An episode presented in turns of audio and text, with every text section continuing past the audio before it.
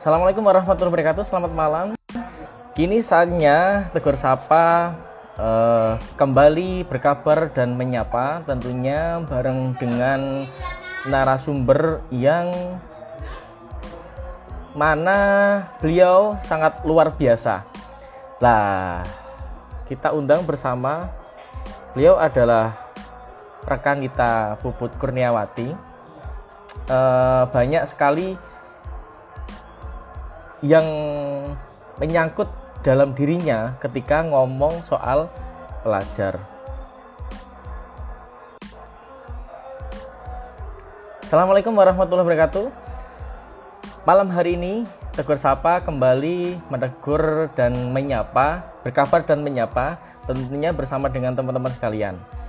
Nah, eh, pada malam hari ini adalah malam yang luar biasa karena apa? Kita akan kedatangan tam, bintang tamu yang sangat luar biasa. Beliau adalah rekanita Puput Kurniawati. Nah, kalau ngomong soal pelajar, beliau sangat, saya kira sangat expert di bidangnya. Soalnya eh, setiap harinya itu tidak jauh dari pelajar tentang keterpela- keterpelajaran. Oke, kita tunggu kedatangan beliau. Ngomong soal pelajar dan omnibus law ini sangat asing bagi saya sebenarnya. Tapi saya memberanikan diri untuk mengangkat tema ini karena saya rasa ini sangat dibutuhkan informasi-informasi yang akan yang nantinya akan disampaikan oleh beliau sangat dibutuhkan oleh teman-teman sekalian. Nah, eh, sesuai dengan tema dan sesuai dengan eh, apa namanya sesuai dengan tema dan sesuai dengan opini yang telah saya tulis. Oke, sebelumnya selamat datang Mbak Sriyanti, ada Mbak Dinda. Gimana kabarnya? Sehatkah kalian semua? Suaranya gimana? Cek cek suara. Sudah terdengar apa belum?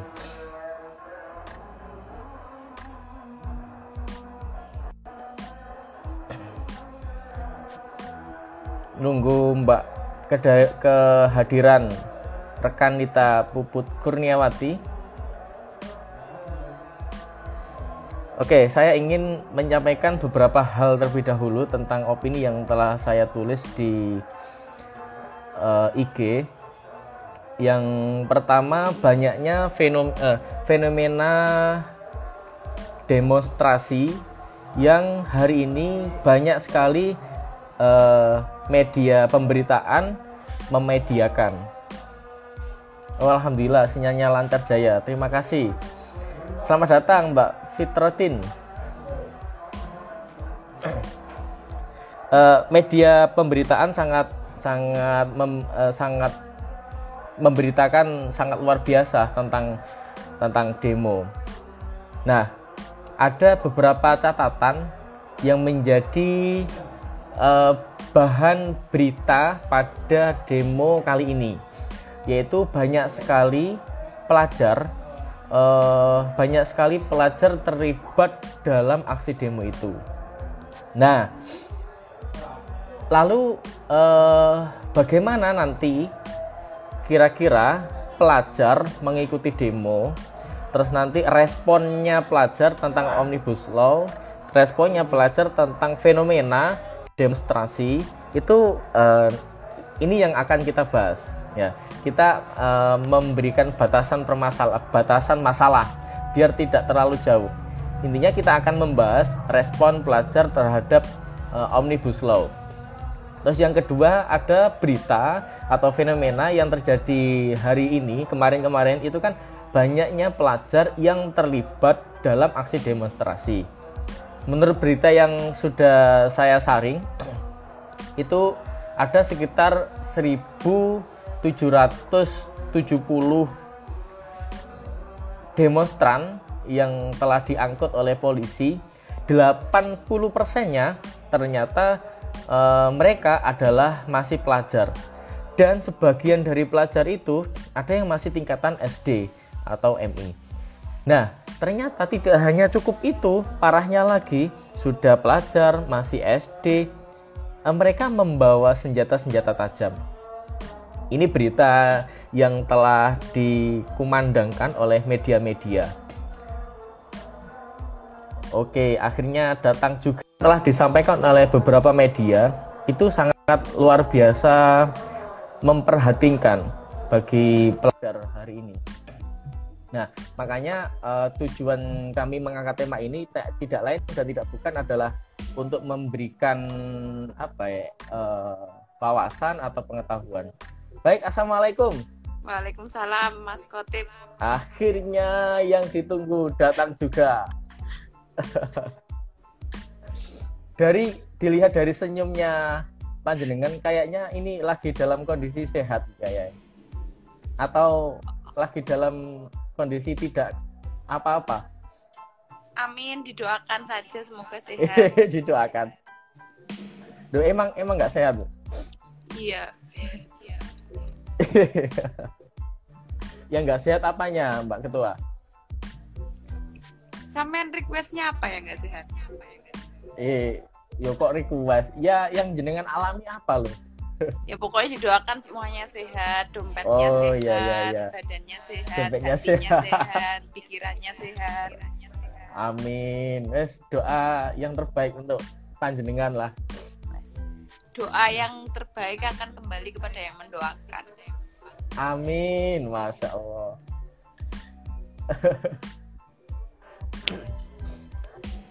Oke, Mbak Ketua, Iya. Uh, hari ini sibuk apa saja jenengan? Kayaknya di pra pra pelantikan sudah banyak sekali kegiatan ini. Sampean kok tahu kalau pra pelantikan? Ya tahu lah. Jangan bilang dulu. Itu masih ditutup rapat-rapat. Jangan jangan ini. Jangan bocor dulu, Mas Otip. Oh iya iya iya iya. Enggak, maksud maksudnya di di hari-hari ini itu loh kok uh, banyak sekali kegiatan kayaknya. Sehingga menguras ya. tenaga panjenengan terus sedot capek. Kebetulan memang banyak undangan ini kan, apa konver terus pelantikan gitu ya memang baru dibuka mm -hmm. kegiatan di IPPNU maksudnya di IPNU pun pasti sama kan maksudnya kita yeah. udah lama nggak kegiatan terus diberi izin untuk kegiatan pasti semuanya berlomba-lomba membuat kegiatan mumpung mumpung boleh gitu kan ini kalau uh, teman-teman kalau nggak membuat kegiatan kayaknya nggak enak gitu ya?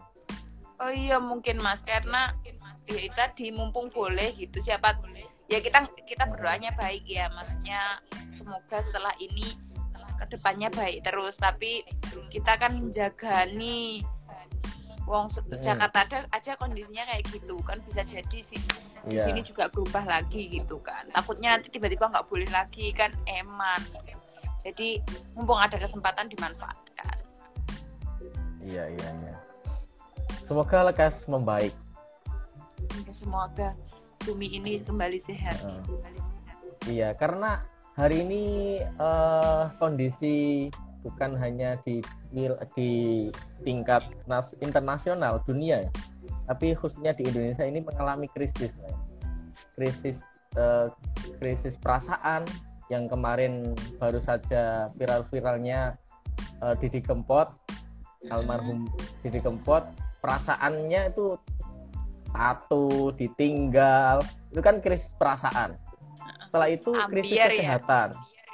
ambiar sahabat ambiar. Krisis kesehatan. Setelah itu lagi uh, krisis ekonomi. Waduh ini ujian yang sangat bertubi-tubi yang pak yang jangan sampai terjadi itu nanti krisis akhlak. Aduh hampir saja. Kayaknya ini sudah mulai.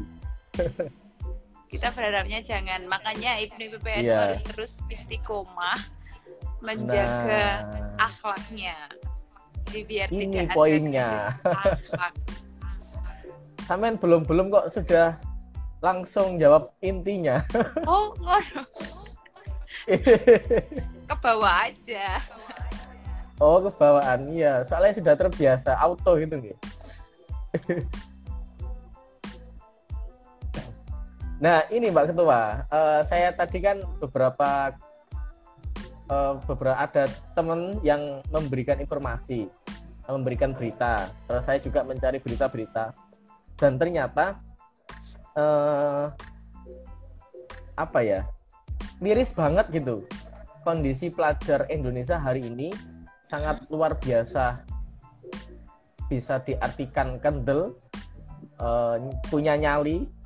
Karena apa? Berita yang diangkat itu yang sudah saya sampaikan tadi di awal berita yang diangkat oleh media adalah dari demonstran kemarin itu pelajar ditangkap oleh aparat keamanan itu eh, peserta demonstran ditangkap oleh aparat keamanan berjumlahnya sekitar 1770. Nah, 80% dari peserta demo itu yang di, diangkut oleh aparat keamanan ternyata masih pelajar, masih sekolah. Mulai dari tingkatan SMA dan ternyata ada yang sampai tingkatan MI atau SD. Oh, iya? Dan ditelusuri lagi SD itu ada yang membawa senjata tajam. Nah, dalam beritanya seperti itu. Bisa dicek di apa ya? Bentar. Bisa dicek di kumparan. Terus satunya lagi di media saya ngumpulkan beberapa berita tadi di kumparan terus satunya mana ini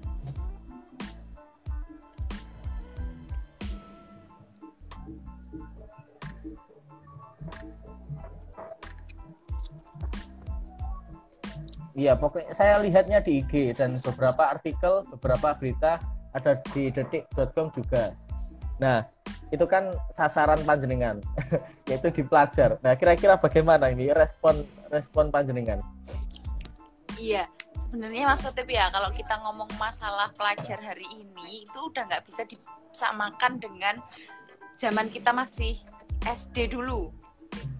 Ya, yeah. kalau kalau zaman kita masih SD dulu yang ditonton pagi itu ya Doraemon eh Dora Dora Explorer itu. Di mana peta? Ah. peta peta itu yang dicak katakan peta.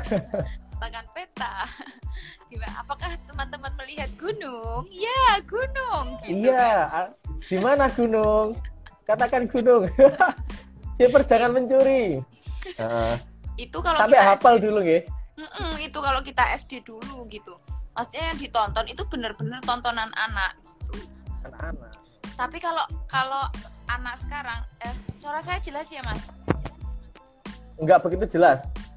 Ya, soalnya ada orang hajatan ini dekat rumah banget. Oh. Menikah hmm, dan jenengan kapan? Saya ngomong anak, anak SD mbak. Mana balik ya. Balik iya iya balik kembali kembali ke topik jadi kalau kalau kita ngomong masalah uh, kita SD dulu gitu. Kita SD dulu itu tontonannya adalah tontonan yang benar-benar anak gitu ya. Memang segmennya itu anak. Tapi kalau sekarang anak itu nontonnya nggak TV yang memang sudah di cluster untuk tontonan anak tontonan orang dewasa tontonan uh, remaja dan lain sebagainya. Tapi anak itu tontonannya YouTube. Sedangkan mereka di YouTube itu uh, bisa melihat apa pun bahkan uh, kalau kita lihat beranda gitu ya kita ngecek beranda. Hmm. pasti yang keluar itu adalah sesuatu yang hari ini sedang booming gitu. Booming. Dan itu pasti dan anak sekarang kan udah bisa ngecek trending. Sedangkan yang di trending yeah. beberapa hari ini itu juga hal-hal yang mengenai demonstrasi omnibus law dan lain sebagainya itu. Dan terkadang orang tua lalai untuk mendampingi anak-anaknya me menonton YouTube itu. Kalau dulu kita misalnya nonton TV gitu ya, pelajaran SD dulu, kalau aku inget banget, kalau menonton televisi itu harus dengan dampingan orang tua. Ada pelajaran kayak gitu dulu di SD. Artinya ketika orang tua mendampingi anaknya untuk nonton TV, orang tua itu akan mengarahkan, oh kalau seperti itu itu contohnya nggak baik, oh kalau hmm. seperti itu tuh jangan dicontoh berarti tokoh A itu tokoh antagonis tokoh yang nggak nggak baik atau jahat jadi nggak boleh ditiru dan lain sebagainya. Kayak gitu mungkin. Ada kayak kalau semacam kita- diskusi gitu nggih? Heeh, jadi ada ada interaksi antara orang tua dengan anak. Interaksi pengetahuan untuk anak. Heeh, tapi kalau sekarang eh, anak itu nonton YouTube tanpa tanpa ininya orang tua, tanpa pengawasan orang tua dan justru dijadikan oleh orang tua kadang dijadikan agar anak itu nggak ganggu orang tuanya. Jadi bukan malah iya didampingi tapi biar dia nggak ganggu orang tuanya dia dikasih YouTube. Di- dia dikasih gadget untuk nonton YouTube kayak gitu. Dan saya itu kemarin kaget jadi kalau di rumah saya itu juga nemeni anak-anak kecil-kecil itu belajar.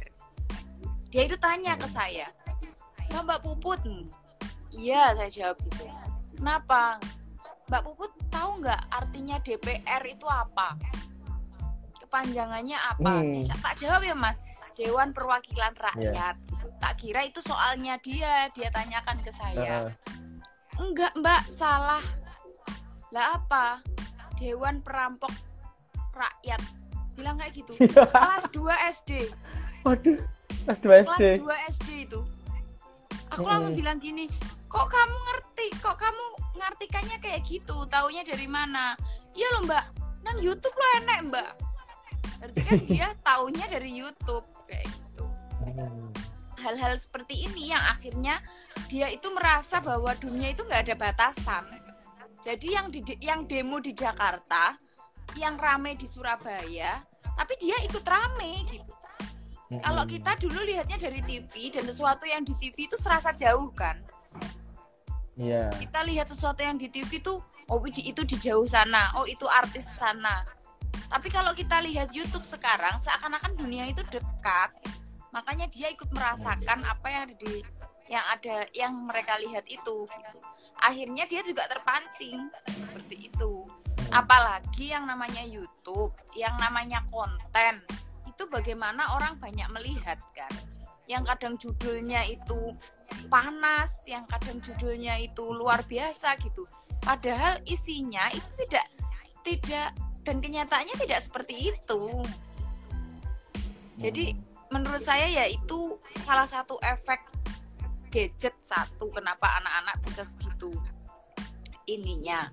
Dan kadang eh, pengawasan orang tua kurang juga seperti itu jadi eh, kalau menurutku di mana anak-anak ini kadang aku berpikir kayak gini. Daring ini justru gimana? memperbanyak teman-teman atau anak-anak itu megang HP dan gadget sehingga dia itu bebas memainkannya. Karena kalau dia lagi pegang HP ditanya ibunya kok mainan HP terus? Lagi sekolah bilangnya. Ngerjakan tugas bilang padahal dia nggak ngerjakan tugas tapi orang tuanya nggak bisa video. ngecek. Mm-mm. orang tuanya nggak bisa ngecek. Kenapa? Karena anaknya lebih canggih daripada orang tuanya. Jadi perkembangan teknologi yang pesat itu tidak hanya membawa kita ke arah eh, yang lebih baik tapi dia juga bisa menjadi pedang untuk diri kita. Karena dia yang akan memangkas itu tadi mangkas moral mangklas ma- memangkas akhlak memangkas semuanya terpangkas lah karena ke- kemajuan teknologi tadi Hmm. Makanya teman-teman IPNU, IPPNU komitmen dari awal sudah terbangun, Bang untuk eh, memberikan edukasi kepada teman-teman pelajar untuk bisa agar bisa eh, berliterasi med- media, eh berliterasi digital. Mm-mm, betul Khawatirnya yang dikhawatirkan ya hari ini ini yang terjadi, yang dikhawatirkan sudah terlaksana.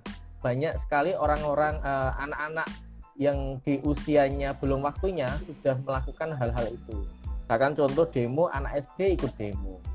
Ya gara-gara efek tadi kurangnya literasi digitalisasi. sebenarnya ya itu tadi sih mas kita kan dari dulu dari Oh. kemarin-kemarin sudah kalau ngelar seminar itu sudah yang dibicarakan itu sudah tentang teknologi yang pesat efeknya bagaimana. Jadi kita benar-benar membekali teman-teman itu tapi terkadang teman-teman tuh merasa uh, namanya juga masih anak-anak usia pertumbuhan ya perkembangan gitu kita mungkin juga pernah mengalami hal itu. Anak seusia SMA mahasiswa SMA maupun mahasiswa mahasiswa baru itu rasa ingin tahunya itu tinggi. Tinggi iya kan? Yang dia tahu tuh ingin tahu aja gitu. Dan ketika dia mendapatkan informasi gitu uh, dan dia mendapatkan ilmu ataupun mungkin dia mendapatkan informasi dari seseorang atau seniornya dia yang merasa yang dia rasa informasi itu mahal dia akan merasa bahwa dirinya itu sudah paling beruntung mendapatkan itu gitu.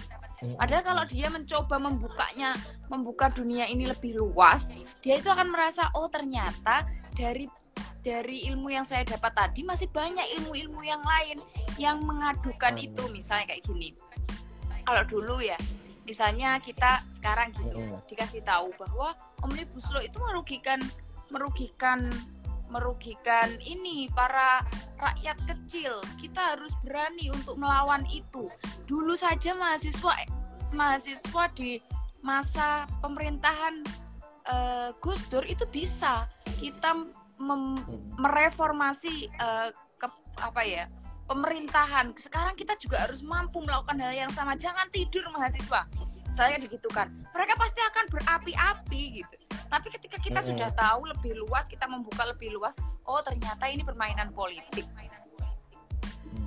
Kayak gitu ketika kita sudah sudah lihatnya lebih luas gitu. Jadi kita merasa bahwa ya sudahlah yai-yai sudah berfatwa gitu PBN itu sudah mengeluarkan mengeluarkan fatwanya gitu. Kita santrinya yang derek aja nggak usah ikut rame. Kita di bawah mah merawat akhlak tadi aja biar semuanya masih punya akhlak. Jadi masih meng, masih menganggap bahwa fatwanya para yai itu tetap harus di dihargai dihormati gitu. Dan tidak ada kata menyayangkan.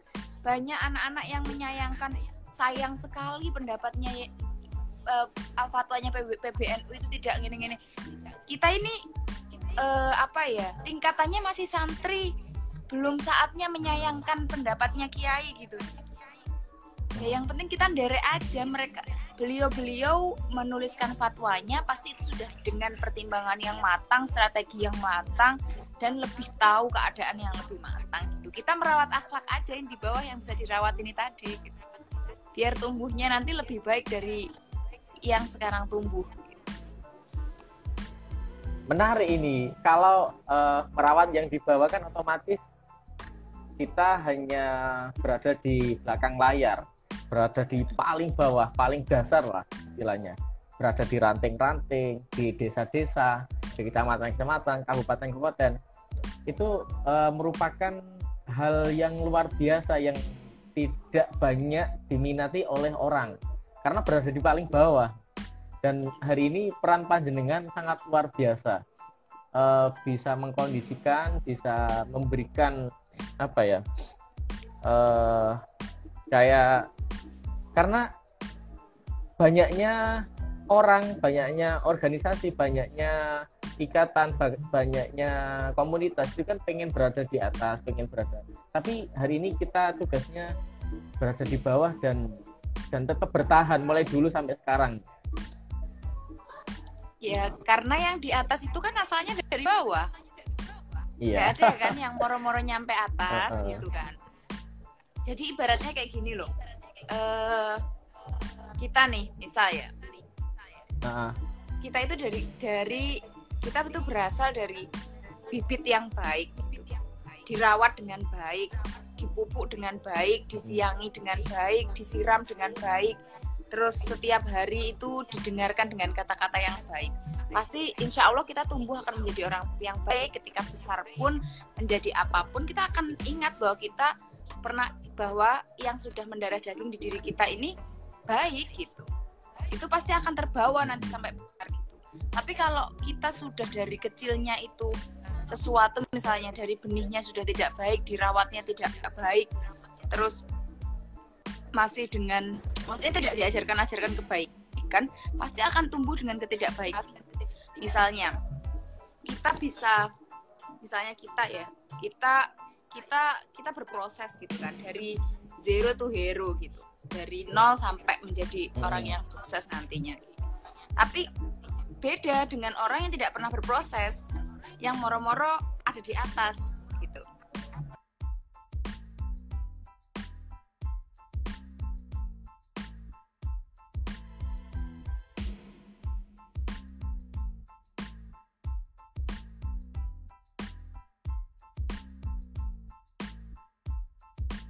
bisa bertanya rasanya seperti ini atau menyampaikan menumbuhkan sesuatu? semangat Halo? belajar di grassroots itu seperti ini. Pasti nanti ketika ada di atas, setiap keputusannya pun akan memikirkan, oh kalau aku dulu masih di grassroots terus ada kebijakan seperti ini, apakah aku dulu juga bisa berkembang? Kayak gitu mas, diputer-puter lagi karena pernah merasakan di titik itu. Jadi menurutku juga penting karena apalagi kita IPPNU ya, IPNU IPP gitu mas, yang di mana Iya. eh, kita memang banom terkecilnya NU gitu kan. Ya tugas kita yang ngerawat yang kecil-kecil. Nanti kalau sudah besar, sudah dewasa, tumbuh, ya itu nanti ada tempatnya lagi gitu. Ya kita ngerawat yang kecil-kecil ini yang di grassroots gitu. Karena yang di daerah itu potensi untuk dirawat. Barang siapa yang nandur bakal ngundo. Bakal ngundo. Seperti itu nggih. nah eh, tentunya untuk bisa apa nih bisa merawat dengan baik kita butuh energi yang luar biasa. Nah kira-kira eh, ini apa ya? Kira-kira panjenengan energinya itu muncul dari mana? Energi kayak apa? HP Untuk ini merawat. misalkan Ah. misalkan gini Pak ya, eh, HP ini kita buat untuk live. Tanpa ada baterai maka kita tidak akan bisa menggunakan untuk live. Nah sedangkan merawat eh, banyaknya kader banyaknya orang-orang yang ada di bawah kader-kader yang ada di bawah ini otomatis kan butuh energi yang luar biasa. Nah kira-kira seorang rekanita Puput Kurniawati ini energinya bisa muncul dari mana? Kan butuh butuh energi yang sangat luar biasa kuat ini Jadi, untuk informasi ke teman-teman biar Ya, nanti bisa niru ngomong, panjenengan berarti ini ngomong-ngomong pribadi ya, sudah ngomong pribadi artinya sudah ah iya motivasi puput itu gimana gitu kan? Sudah ngomongnya Ah. pribadi. Saya saya dari dulu adalah tipikal anak organisasi. Jadi saya memang lebih lebih seneng berorganisasi daripada berakademisi. Karena sudah saya udah pernah nyoba semuanya gitu. Saya dulu SMP SMP-nya RSBI gitu. Yang eh, hidup saya dulu SMP itu nggak ada yang namanya keluyuran sama teman-teman tuh nggak ada. Dari pagi sampai Hmm. sore itu ya pagi sekolah bimbingan belajar terus saya masih les les les di luar semua mata pelajaran gitu. Saya les fisika sendiri bahasa Inggris sendiri ini sendiri. Jadi kayak apa ya gantian gitu lesnya gitu. Karena kalau nggak gitu saya bakal ketinggalan di sekolah. Karena sekolah saya canggih gitu kan. Jadi anak-anak tuh ngejarnya di luar nggak nggak bisa nggak bisa hanya di dalam kelas aja tuh nggak bisa. Itu udah pernah merasakan ternyata aku nggak nyaman dengan cara seperti itu. Aku merasa bahwa aku nggak nggak bisa mengembangkan diriku di situ gitu. akhirnya aku masuk SMA SMA yang biasa. Tapi ternyata di SMA itu organisasi itu begitu ditumbuhkan gitu. Jiwa-jiwa ditanam terus totalitas tuh benar-benar diajarkan di situ. Mencintai segala sesuatu tuh harus totalitas bahkan Oh, mencintai organisasi mencintai sinyal sekolah. adalah sinyal. Harus kayaknya Mas Umam Mhm. ya yang kendala sinyal. Atau aku?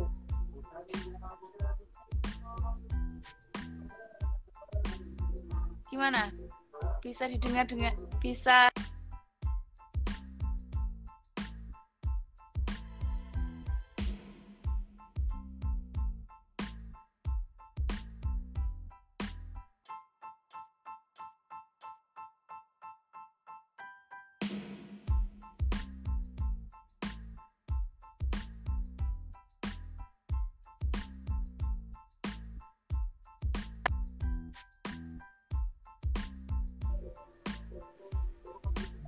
Hmm, paketannya sampai Halo? entek koyokan Mas. Oh enggak. Baru ngisi ya? Oh, Aman iki. Ada 24 giga. oh. Aku pakai wifi soalnya, jadi masa aku gitu. Oh. Iya di jenengan kayak eh. Iya toh, padahal wifi iki sing gua aku tok, Mas. Gak ono wong liya mana. Eh. ya, ah, dilanjut tadi. Iya, Intinya jadi- tadi kan panjenengan memang dari dari awalnya itu eh, orangnya memang orang organisatoris Ah, ah, dan di- pernah mencoba di sekolah yang yang favorit ternyata enggak nyaman di situ. Nyamannya yang memang bersosial dengan orang banyak. betul. Terus gimana tadi lanjutannya? Terus dari situ aku itu kenal sama orang, Mas. Heeh. Dikenalkan yang namanya IPPNU. Waktu SMA aku udah Hmm. SMA. Jadi aku merasa telat ber IPPNU karena aku kenal IPPNU itu baru Oh. SMA. Dan rugi gitu, tahu organisasi sebagus ini tapi baru SMA gitu. Dan ketika SMA kenal yang namanya IPPNU itu nggak moro-moro jadi anggota IPPNU, tapi kita buat ranting, eh buat PAC gitu. Jadi kita mendirikan PAC gitu. Apalagi dengan culture-nya Madiun ya yang mungkin beda dengan culture-nya Lamongan. Di Lamongan banyak pondok pesantren, di Madiun pondok pesantren bisa dihitung. Di Lamongan banyak banyaklah aktivis-aktivisnya. Di Madiun banyak PKI-nya, katanya kayak gitu. Pokoknya masih daerahnya abangan. Seharusnya kita live di hari Pokoknya PKI kemarin ya. masih- Iya. Daerahnya masih abangan banget gitu kalau di Madiun. Iya iya. Heeh. Jadi untuk untuk mengenalkan NU mendirikan PAC itu bukan hal yang mudah gitu. Dari situ tuh kayak merasa terus punya teman-teman banyak kan di PAC. Terus kita itu udah kayak saudara gitu, susah seneng bareng. MWC itu rumah kita gitu. Jadi kayak merasa ikatan tuh terbangunnya dari situ. Ternyata berorganisasi itu tidak hanya organisasinya saja yang sama, tapi hatinya jadi satu, perasaannya Hmm. jadi satu, persaudaraannya jadi satu, semuanya menyatu gitu. Akhirnya saya Hmm. setelah itu saya di PC terus di PW, saya ngerasa bahwa organisasi ini itu setiap orang di daerahnya masing-masing punya riwayat yang sulit untuk mendirikannya. Misalnya Hmm. PC mana pun udah pasti dulu senior seniornya itu pernah sulit untuk mendirikan organisasi ini di daerah itu. Sedangkan saya saya saya dengan posisi saya sekarang itu tinggal merawat mereka. Sangat berdosa jika nanti ada yang mati. Otomatis harus menumbuhkan lagi kan? Itu kayak terus perjuangannya beliau-beliau yang dulu itu gimana gitu? Kayak kayak kayak kayak kayak merasa tersakiti juga gitu. Karena karena aku membayangkan itu jika PAC ku gitu. Jika jika suatu hari nanti PAC ku akan mati maka aku akan sakit sakit sekali.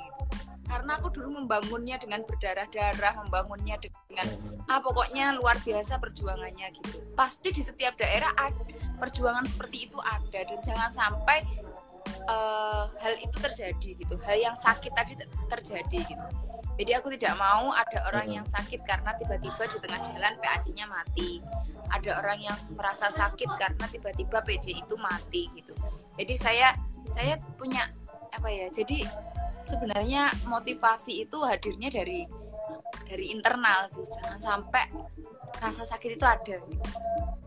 jangan sampai Hmm. muncul rasa sakit itu di hati senior senior yang dulu sudah mendirikan IPPN Hmm. Lebih kepada menghargai, menghargai kondisi yang sudah sangat luar biasa perjuangan beliau-beliau dan hari ini kita punya beban yang sangat eh, luar biasa untuk untuk bisa dikembangkan biar tidak mati kata jenengan tadi. Nah, eh, dengan kekuatan itu sehingga panjenengan hari ini masih eksis dan tetap terus eh, berjuang berada di IPPNO niki nggih. boleh cerita sedikit nggak? Boleh, boleh, boleh curhat juga boleh. iya ini ini sedikit curhat sebenarnya. Saya terpilih ketua PW itu Desember 2019 Ya, setelah itu berjalan sampai sekitar Ma uh, Februari itu kebetulan ada acara yang roadshow gitu. Banyak dari Malang ke Babat kalau nggak salah waktu itu. Malang ke Babat Babat ke Jombang pelantikan Jombang ke Mojokerto. Ada acara juga di Mojokerto. Setelah itu ke Surabaya pelantikan Ansor. Terus saya pulang ke Madiun gitu kan. Tepat di Herlah IPPNU saya masuk rumah sakit waktu itu. Oh terus ceritanya uh. tuh begini. Jadi sebelum convert wheel itu saya sudah merasakan ada yang asing di tubuh saya. Ada yang asing artinya ada sesuatu yang tidak berjalan sesuai dengan fungsinya kayak gitu. Aku ngerasa hmm. ngerasa ngerasa nih secara pribadi ngerasa. Tapi rasanya nggak begitu sakit jadi diabaikan terus. Sampai acara konferwil itu sakitnya itu udah udah sangat gitu. Hamin hamin sebulan sebelum konferwil itu saya pulang kan. Awalnya di Surabaya itu lama nggak pulang kan. Saya pulang bilang ke orang tua gitu. Intinya saya mau berobat tapi syaratnya sekali berobat sembuh. Akhirnya saya cari jalan yang instan waktu itu. Jadi saya periksa ke dokter gitu terus akhirnya di di di, di diagnosa dan lain sebagainya aku ada ada sesuatu di tulang belakang bisa dibilang uh, ada sedikit yang tidak normal lah di tulang belakang. Akhirnya aku tidak mau opnam lama-lama di rumah sakit suruh bolak-balik saya nggak mau. Saya pengennya sekali datang terus aku sehat gitu. Akhirnya waktu itu disuntik dengan cairan apa aku nggak tahu. Yang intinya kalau dihitung pakai uang cukup mahal, kalau hmm. dirasakan efeknya tidak begitu banyak. Akhirnya aku kembali pulang satu malam kembali ke Surabaya dengan riweh wheel karena waktu itu ketua pelaksana kan sampai setelah wheel pulang lagi ke dokter lagi begitu terus ke Surabaya lagi pulangnya hanya ke dokter waktu itu cuma cuma waktu sakitnya nggak bisa ditahan aja mau ke dokter. Sampai pada suatu titik aku yang opnam bulan Maret. Tapi waktu itu masih sempat berkegiatan kan beberapa bulan empat bulan Januari Februari Maret tiga bulan. Sampai sempat berkegiatan gitu.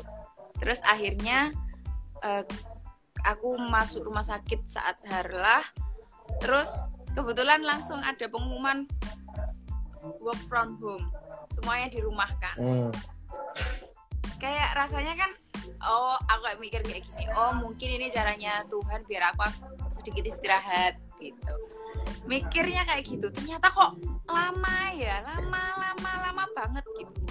Ternyata juga sama ternyata aku balik, balik ke dokter saya pengen tahu kondisi tulang belakangku sebenarnya seperti apa. Setelah ke dokter aku bilang e, intinya kan di rongsen dan lain sebagainya dokternya bilang bahwa tulang belakangnya itu ada yang renggang gitu. Terus gimana? Maksudnya solusinya gimana? Satu pakai fisioterapi. Yang kedua kalau fisioterapinya udah nggak mempan ini harus pakai bedah. Dan operasi tulang belakang itu katanya lebih banyak lebih banyak gagalnya daripada berhasilnya. Itu yang di kepala ini udah ya Allah gimana ya? Gitu. Akhirnya jalani fisioterapi jalani fisioterapi tiga bulan. Beberapa kali fisioterapi nggak ada perubahan. Terus pakai herbal nggak ada perubahan. Ke mana-mana nggak ada perubahan. Akhirnya cari dokter baru yang mungkin lebih baik gitu nilainya akhirnya datang ke tempat fisioterapi yang sekarang ini. Jadi saya sempat nggak bisa jalan. Eh mas mas umam nggak percaya gitu. So mbak nggak bisa jalan gitu. Saya sempat nggak bisa jalan. Sama sekali nggak bisa jalan. Jadi ke mana-mana itu harus dipapah. Pakai kursi roda gitu kan, ya? Tahu dipapah kan mas? Oh. nggak nggak pakai kursi roda. Aku malu karena aku malu. Jadi aku merasa bahwa aku dulu itu anaknya strong, nggak pernah sakit. Uh. Masa iya sakit gitu? Nggak terima, masih nggak terima. Iya, iya, iya. Otak, pikir, uh. otak, pikiran, tubuh tuh nggak bisa nerima kalau aku sakit. Aku nggak mau nerima. Akhirnya ternyata rasa tidak menerima itu yang membuat tambah sakit.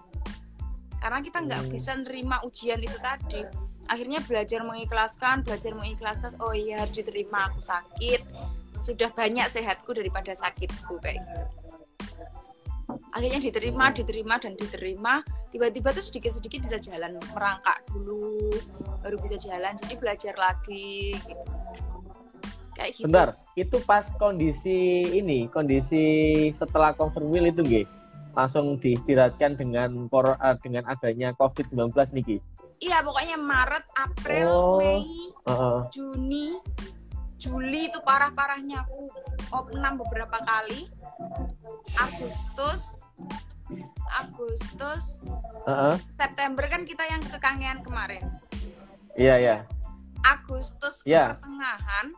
Agustus pertengahan itu aku udah mulai mendingan dan bisa jalan walaupun dipaksa. Maksudnya dipaksa itu sebenarnya belum boleh gitu cuma belum boleh banyak aktivitas gitu. Tapi aku memaksa kalau begini terus aku nggak sembuh sembuh aku aku aku berpikirnya corona ini kap bisa berhenti kapan pun. Artinya IPPNU bisa berkegiatan kapan pun. Kalau aku masih kondisinya kayak gini mana bisa aku datang ke PC-PC mana bisa aku hadir convercap pelantikan aku nggak akan bisa gitu. Sedangkan tanggunganku masih Dengan banyak. kondisi itu ternyata di dalam pikiran panjenengan masih memikirkan itu nggih, kegiatan-kegiatan yang ada di PC-PC niku.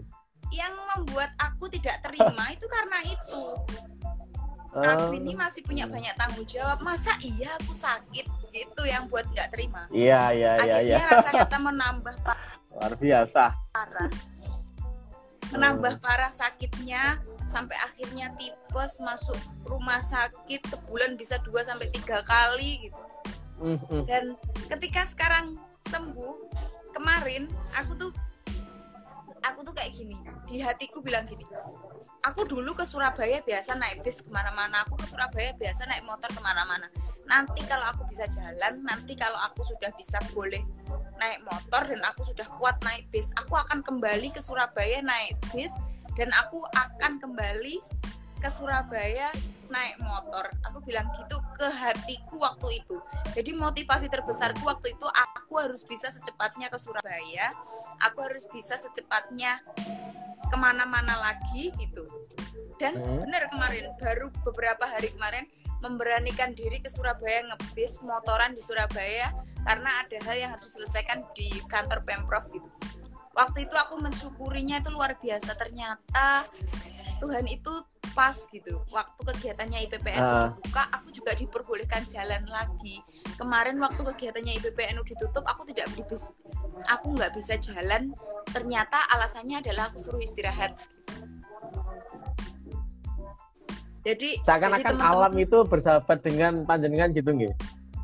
nggak bersahabat sih karena sakit. Nggak mau nggak ada yang mau kan sakit nggak Enggak, bersahabat maksudnya kondisi kondisi itu loh, kondisi di mana eh, badan panjenengan yang harusnya istirahat ternyata alam bersahabat menyuruh panjenengan istirahat sejenak oh iya merasa dan kembali lagi nanti.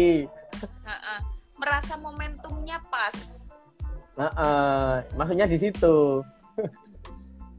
Dan setelah panjenengan mau menerima semua yang terjadi kan akhirnya ada hal tersendiri dari itu. Iya betul. Dan ketika mau menerima itu eh, ini berangsur membaik gitu Mm-mm. dan lebih bersemangat. Dulu aku nggak punya semangat, jadi ya udahlah kalau aku memang tadi takdirkan kayak gini nggak apa-apa, kayak gini aja. Bahkan aku sudah berpikir aku ikhlas kalau aku mati.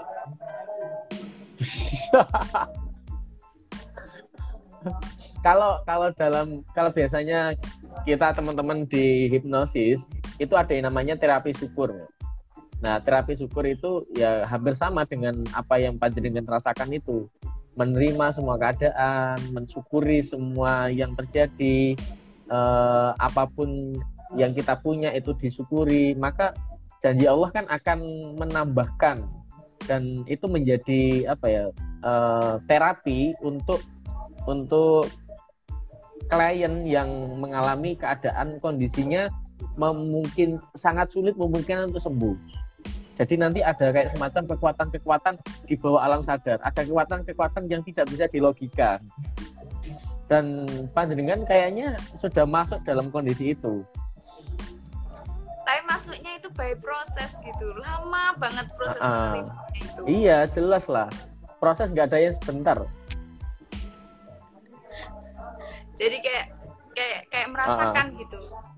Eh, merasakan ya kalau sekarang gitu. Aku tuh kangen masa-masa berjuangku yang berangkat petang pulang pulang hampir hampir petang lagi gitu. Gitu beneran. Tapi kalau sekarang Heeh. eh, kan karena memang orang tua saya apa pun yang saya lakukan adalah selalu disupport gitu kan selalu pokoknya yang dilakukan eh, puput itu pasti sudah pilihannya puput dan itu terbaik. Orang tua saya itu tipenya kayak gitu. Jadi waktu saya sakit tuh beliau yang menyemangati. Ayo IPPNU masih menunggu masih banyak yang dijalankan kalau sakit terus nggak sembuh sembuh nanti kasihan yang nunggu di sana. Saya tuh kaget gitu loh orang tuaku itu mikir IPPNU masa aku enggak? Masa aku sudah ikhlas mati sekarang? Gitu jarang ya eh, teman-teman terus eh, jarang yang apa namanya bila kita sakit terus orang tuanya mendukung sama eh, sama seperti yang jenengan katakan tadi itu kayaknya jarang dirasakan oleh teman-teman yang lain. Tapi eh, berhasil disampaikan oleh orang tua panjenengan untuk memberikan Iya. semangat kayak tadi itu dan aku dan aku kaget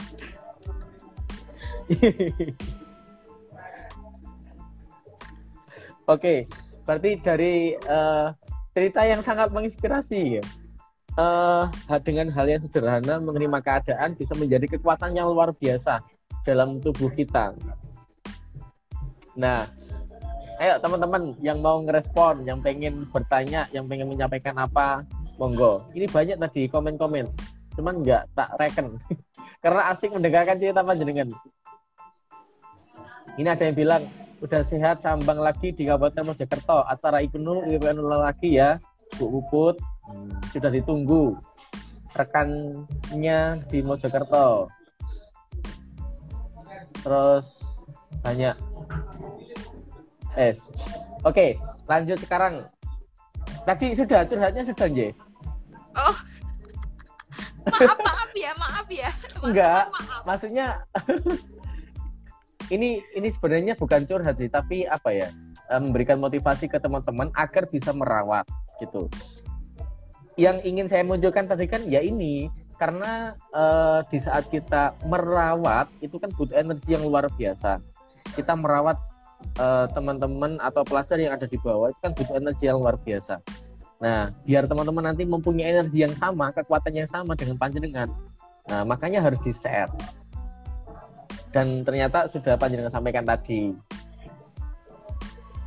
Terus selanjutnya eh, setelah setelah kita tahu bahwa posisi kita hari ini adalah sebagai pelajar yang mana tugas kita adalah merawat yang ada di bawah, merawat kader-kader yang di bawah.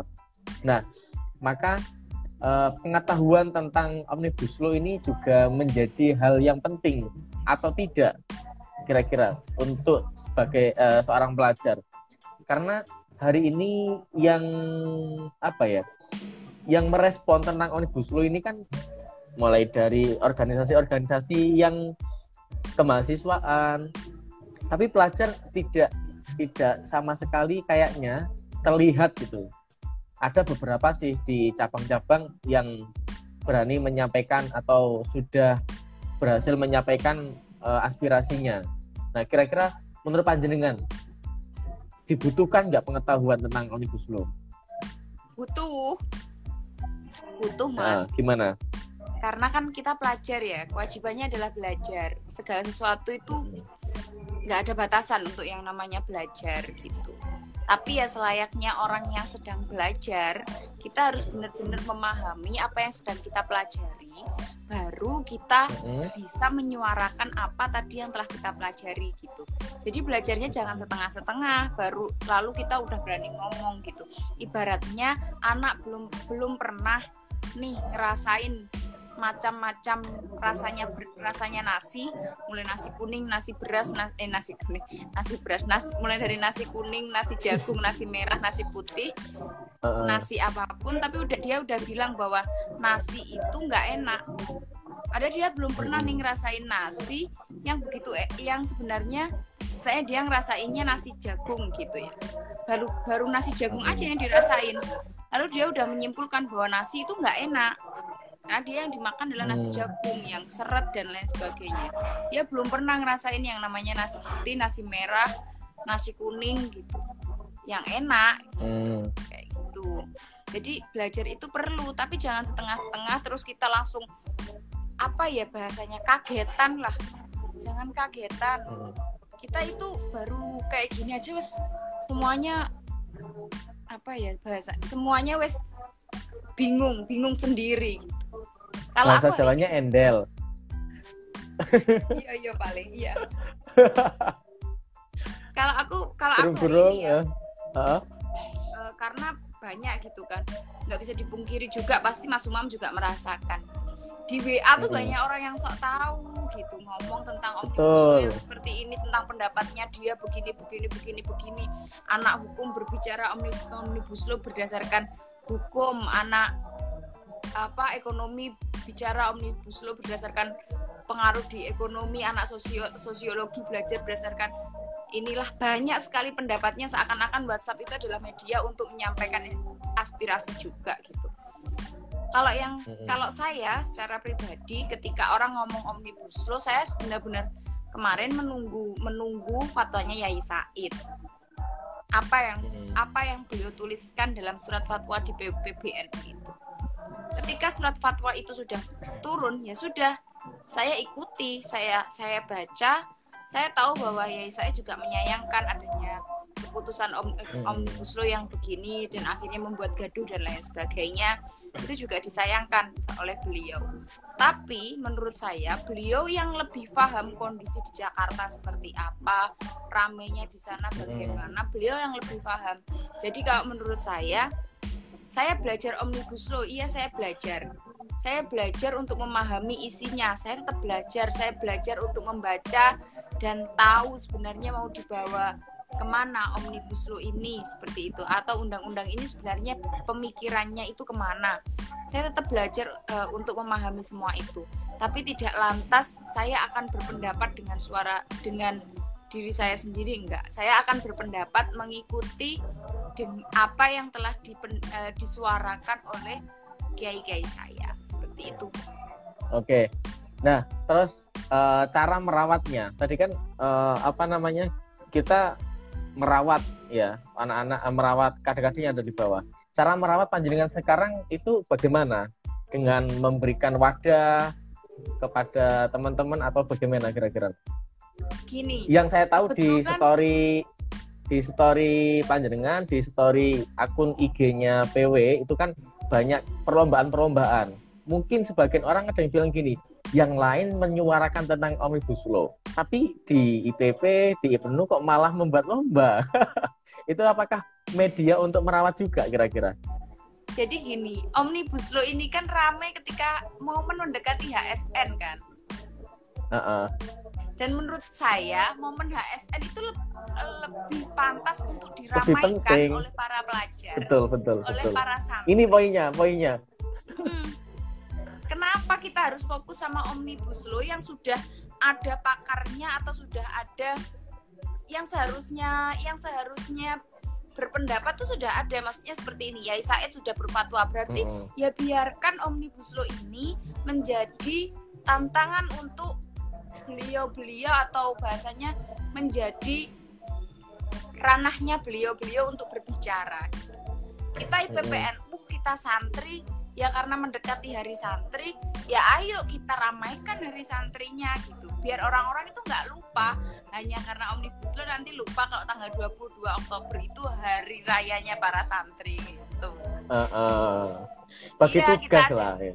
Udah banyak banget dan jangan lupa ini yang penting paling mas Umam belum tahu paling sudah tahu apa belum Apa ya tanggal 23 itu puncak hari santri nasional PWNU Iya. Sudah tahu situ- saya kali itu. dan di situ Teman-teman yang belum tahu.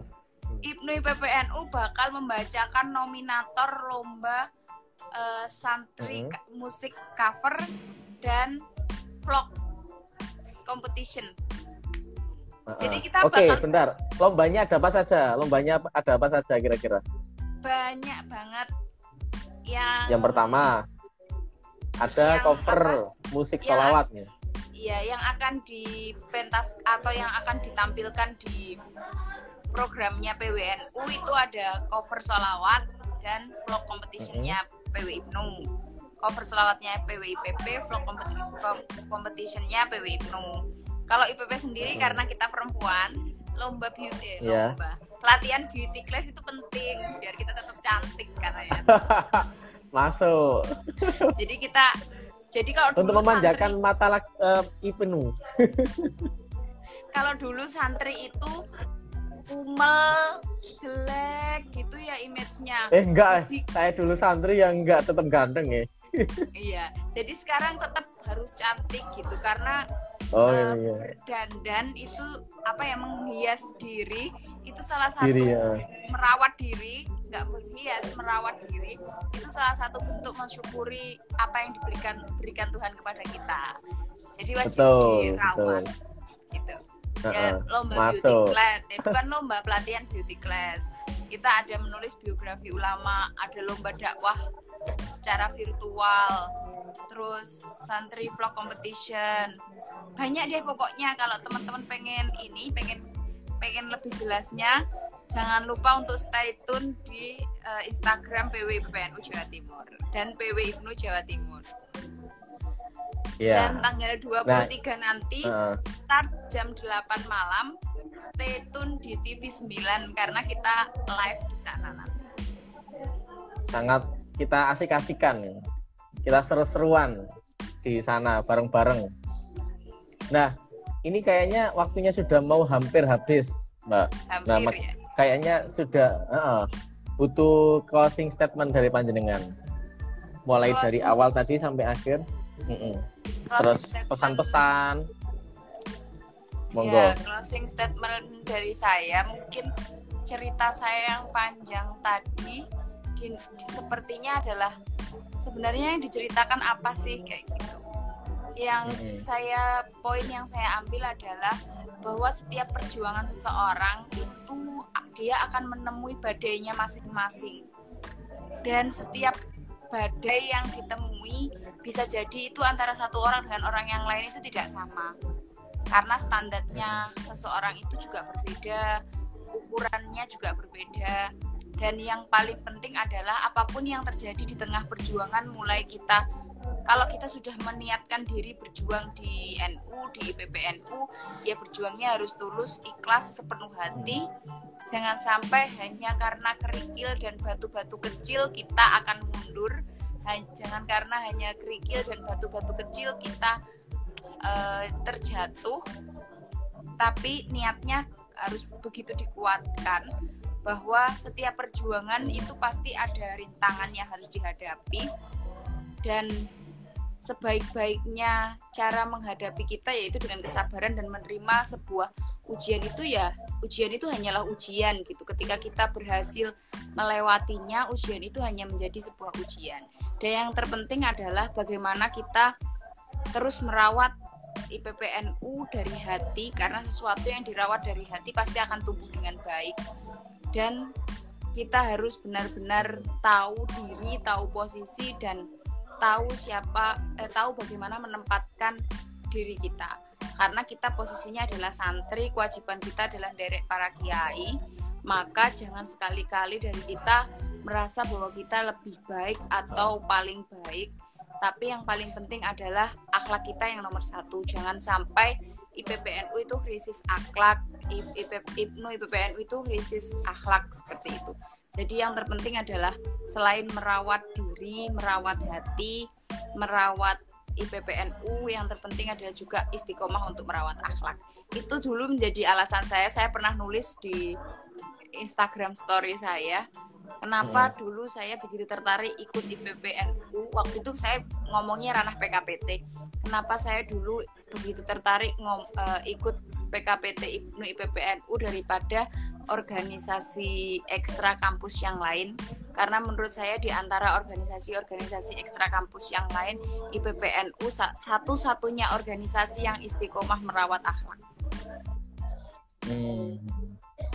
Mungkin itu Mas Hotip dari saya.